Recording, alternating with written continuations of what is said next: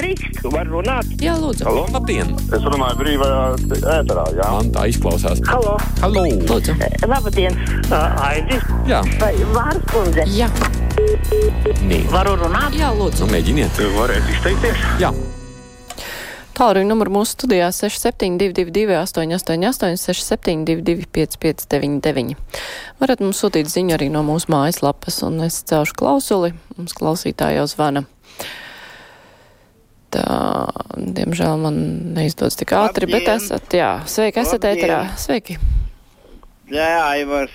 Es jums jau pamācīju, par ko mums Latvijā tā ekonomika galīgi slīd uz leju, nevis uz augšu. Bet ziniet, ko vainīgi ir Latvijas ceļš, saucamais Pleskovs ceļš. Jo tajās laikos visu privatizēja, privatizēja, visu lielos rūpnīcas, balzamus, uh, blīvānu stikla fabriks, visu atdeva kākla vāciešiem un krieviem, ja? un visi iztirgoja. Un tā kā Kreitas kundze vienreiz uzdeva jautājumu saimē, viņa saka, bet kunga, atjēdzieties, lūdzu, ne, neprivatizē lielos uzņēmumus, tas būtu valstī monopols. A ko atbildēja deputāts, viens gudrinieks no Latvijas ceļa, bet mēs no nodokļiem ņemsim naudu. Otru lūdzu, tagad ceļķi nodoklis un ārzemnieki pelņa naudu maksā, kas saka, pelnīja naudu viņi. A Latvijā pigučku, mēs tā būsim nabadzīgi, mums valsts ir izzakta. Paldies par runību. Paldies par viedokli. Tā vēl klausītājs zvana. Labdien, esat ēterā. Labdien, Labdien. labdien, Mārcis Kundze. Ziniet, vakar es noklausījos interviju ar to pastaru. Halo. Jā, jā.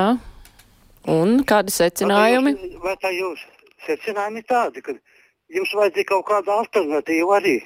Jo šis demagogs, kas tur trukstēja, kas ir pūta visu laiku vienot, viņš stabulē, tas tur galīgi negāja krastā. Un kas te jums tieši nepatika? Tāpēc, ka viņš ir demagogs. Tas, Bet tieši par kuru? Visu laiku. Jūs, nu. paši, jūs paši neredzat, ko viņš runā. Nu, jūs, jā, mēs runājam par dažādiem tematiem, un es tā arī nesapratu tieši, kas jums nepatika, bet uh, tur bija juridisks skaidrojums lietām vairāk, nevis tāds emocionāls. Tieši tāpēc mēs arī aicinājām konstitucionālo tiesību ekspertu, lai uz emocionālajiem jautājumiem paskatās no juridiskās puses. Klausītājs zvana. Labdien! Labdien! Labdien! Sen nekas nav dzirdēts par gadījumu, kad Helmans gribēja saīkot avienam piedarošā porcelāna izstādi ogē, pa kuru vētru ūdens glāzēs atcēla pašpasludinātie progresīvie. Uz ogēs, protams, nebūtu braucis, bet, ja būtu bijis tūmā, labāk būtu to apskatījis. Vai Krievijas avens ienaidnieks? Droši vien. Ja tā, tad pilsonības atņemšana tam būtu pilnīgi pašsaprotama lieta. Tikai tās atņemšana ir viena problēma. Pilsonību viņam neizkārtoja Nācis Helmans, bet gan vienotības un attīstībai par krimināls kases turētājs jaunums. Ja viens tagad paprasīs atklāt samaksāto naudu, būs liels skandāls, kas noteikti nebūs patīkami abām zagaļu un sodomītu partijām. Jā, nu, norobežojoties no dažādiem epitetiem, ar kuriem jūs apveltījāt eh, šīs partijas, bet eh, jautājums par to, kāpēc eh, šis pilsonības jautājums vēl nav atrisināts un kāpēc viņam joprojām ir Latvijas pilsonība, tas, protams, ir aktuāls. Klausītājs viesturs raksta, viņš tā šodien ir aizdomājies. Visus satrauc, ka bērniem jāēd veselīgi. Dārziņā sastāda speciālu veselīgu ēdienu karti un tā tālāk. Un tad atnāk Ziemassvētki. Trīsgadīgam bērnam atnes veselu maisu ar konfektēm un paciņā divi nabaga mandarīni. Tas laikam no padomju laikiem, kad nekā īsti nebija, un tad salavecis atnes saldumus. Nu, šajā jautājumā varētu laist to stereotipu un atnest pārmaiņas pēc ko veselīgu. Nu, kādreiz jau bērni varbūt var sēsties tās konfektes, tur ikdienā jāskatās, lai pārāk nesēdas. Klausītājs zvana, labdien! Labdien, man būtu interesanti zināt, kurš ir mūsu ziņu redaktors. Lūk, tagad 11.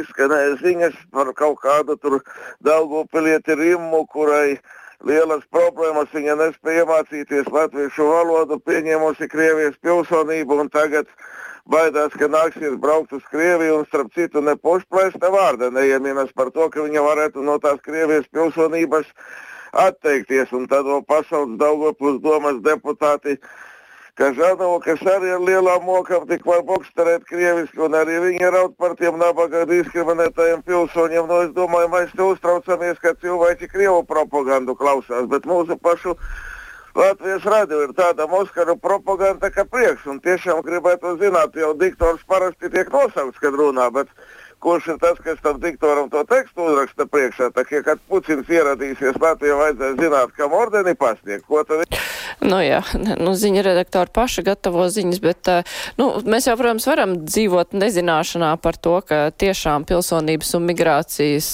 lietu pārvalde strādā un ir tiek pārbaudīti visi cilvēki, kuri te patiešām ir, un tiek viņiem prasīts vai, nu, jā, nu, sakārtot dokuments, vai arī viņi tiek izraidīti no Latvijas. Mēs redzam, ka process notiek, un, ja vēl var dzirdēt kādu dzīvu cilvēku, kuru tas skar, tad tas viss paliek vēl dzīvāks, un mēs saprotam, ka Tas viss ir. Kāpēc jūs gribat palikt nezināšanā un kāpēc jāuzskata, ka te notiek kāda aizstāvēšana vai neaizstāvēšana? Tie vienkārši ir fakti, kas tiek parādīti, lai varētu redzēt, kas notiek Latvijā. Klausītājs zvana. Labdien! Sveicināti Māris no Lietuvas! Cik ilgi vēl radio TV žurnālisti gatavi auklēties slavinot civilu okupantu sportistus? Rastargujevs, Ostapenko, Bļūgers, Meržlīkins un tā tālāk un tā joprojām. Nu, nezinu, kāpēc jūs uzskatāt, jā, kāpēc jūs uh, saucat par civilu okupantiem cilvēkus, kuri dzīvo Latvijā, kuri piedar pie Latvijas sabiedrības, uh, nezinu, vai, jā. Es jums nepiekritīšu, vienvārds sakot. Klausītājs zvana, labdien! Labdien! Šeit jūs traucē no Rīgas, pensionāri 82 gadi. Es noklausījos raidījumu par to brīnišķīgo izšķērdētāju, to sievieti, kas ir, ir iepirkusi. Es aizmirsu no uztraukuma par šito te mm, vārdu un uzvārdu viņai. Tās brīnišķīgās zelta atkritumu kastes.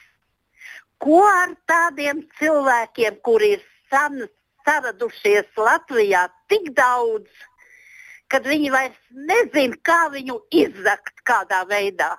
Mīļie, labie cilvēki, kas tur tagad sēž galvenajā, gal, augšā, nu domājiet, un paši nezogiet, un neļaujiet tādiem zakt, un viņai ir rīt vai kociņi. Tik tiešām katru dienu mazgāt tās atkritumu kastes bez maksas pieci gadi. Jā, nu, paldies. Māris raksta, pastāstiet taču tiem likvidēto milzīgo rūpnīcu faniem, ka veļas mašīnas un mopēdus Rīga 13 nevienam nebija vajadzīgi, jo atpalika no moderniem izstrādājumiem, gluži kā daudz citu fabrika ražoto. Nu, jā, tā padomju rūpniecības specifika jau arī pirmkārt tas, ka tās daudzās rūpnīcas, kas ražoja kaut ko, kas nepalika šeit, Latvijā un bija paredzēts kaut kur padomju savienībā, otrkārt brīvajā pasaulē nevienam tas nebija vajadzīgs un skaidrs, ka konkurences apstākļos nu, lietas nevar turpināt ražot, ja tās nevar iztirgot. Tā kā un šobrīd rūpniecība ir pilnīgi citādi mēs ražojam to, kas kādam ir nepieciešams, un daudz ražojam. Klausītājs zvana Labdien! Halo! Labdien! Es ot, juridiski brīnos, kāpēc kā Ždanakas kundze ne, netika piemeklēti līdz šim gadu desmitiem nekādi līkumi, lai viņi varētu atņemt pilsonību. Un tagad ir visi sacepušies, ka Avenam jāatņem pilsonība, bet laikam tas nebūs tik vienkārši. Man liekas, ka viņš to pilsonību ir saņēmis pēc tā, ka visi viņa senči ir latvieši. Jā, viņš ir avens, vectēvs bija avens, tēvs bija avens. Gan vectēvs, gan tēvs ir kristīti jau pievalks svētā Toma baznīcā. Tā tad viņš ir pēc izcelsmes. Un jāpierāda, ka viņš to ļaunumu izdarīs tieši vairāk kā Ždanaka tieši pret Latviju. Jo tādu bālēliņu, kas tirgojas ar Krieviju un palīdz Putinam karā, mums ir bariem, kaudzēm, kuriem vajadzētu atņemt pilsonību, vai ne tā? Nu, tik vienkārši tas nav, jo viena lieta ir eh, cilvēks, kuram ir bijusi Krievijas pilsonība, un uh, viņš ir saņēmis Latvijas pilsonību. Turklāt tā vēsture dzimtas, uh, ja pareizi atceros, arī varbūt nebija tik vienkārši.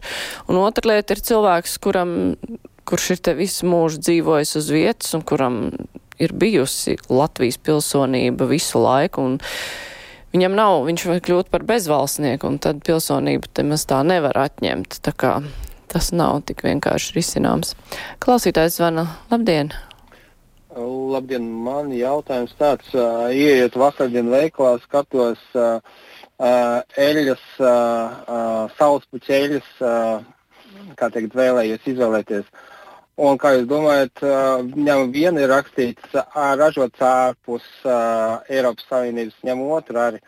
Vai tiešām nevar uzrakstīt, uh, ja tiešām tā ir no Krievijas, tad rakstīt, ka tas ir no Krievijas vai no kādas konkrētas valsts, uh, jo savādāk uh, ārpus uh, Eiropas Savienības un pildīts uh, teiksim, blakus, uh, blakus valstī, Lietuvā vai Igaunijā. Nu, tas, tas ir ļoti smieklīgi, ka nevar uzrakstīt. No kuras valsts reāli? Paldies. Jā, tā būtu laba informācija, un tas, ka būs tie karodziņi pie precēm, tas ir labi, bet galvenais jautājums, vai tur patiešām parādīsies no kurienes ir tas pats produkts, nevis kur viņš ir jā, iepildīts kādās pudelēs. Un vai tas patiešām parādīs īstu izcelsmi, nu to mēs redzēsim, kā tas strādās, iespējams, netik labi. Klausītājs zvana, labdien! Labdien! Gunārs no Rīgas. Es parunāšu tieši par personību, par kaut kādu zinātņu doktoru Pabriku. Viņš ir pamainījis E, nomainījis piecas partijas un tagad ir radījis Eiropas domnīcu. Nu, kad, kad tad viņš vienreiz beigs to klejošanu pa partijām un tautas muļķošanu? Kādā zinātnē viņš ir doktors? Plīrunāšanā. Paldies! Mēs jau kādreiz ar Pabriku pazinām kā politologu, un pēc tam viņš aizgāja politikā, un jā, tad sāka nu, jā, mainīja partijas. Ne jau nu, viņš pirmais, ne pēdējais, kurš to ir darījis. Politikā tā notiek. Klausītājs zvana. Labdien! Labdien! Labdien. Sveiki! Es, brīvais mikrofons. Jā, brīvais gan. Es te gribētu pensionāru zvanīt no Daugavas novada. Es ar to pirmo kanālu televīziju, kad tur beigas reizi muļķot cilvēkus ar tam pašreklāmām savam. Nu, tagad šitas vēl apceļ to zaļo, vēl iztaisīja savu zaļo sedziņu. Un griež un griež un griež visas tās, visas tās, visas tās raidījumus riņķī. Un pēc katra dod nedēļu iepriekš to pašreklāmu. Tur ir prāts, tur visi, visi, visi tie, kas nu, tos, tāda tos sakot, nu, programmas, vai tur viss? Jā, skaidrs, paldies. Nepatīk jums pašreklāmas par daudz ziņu sapratām.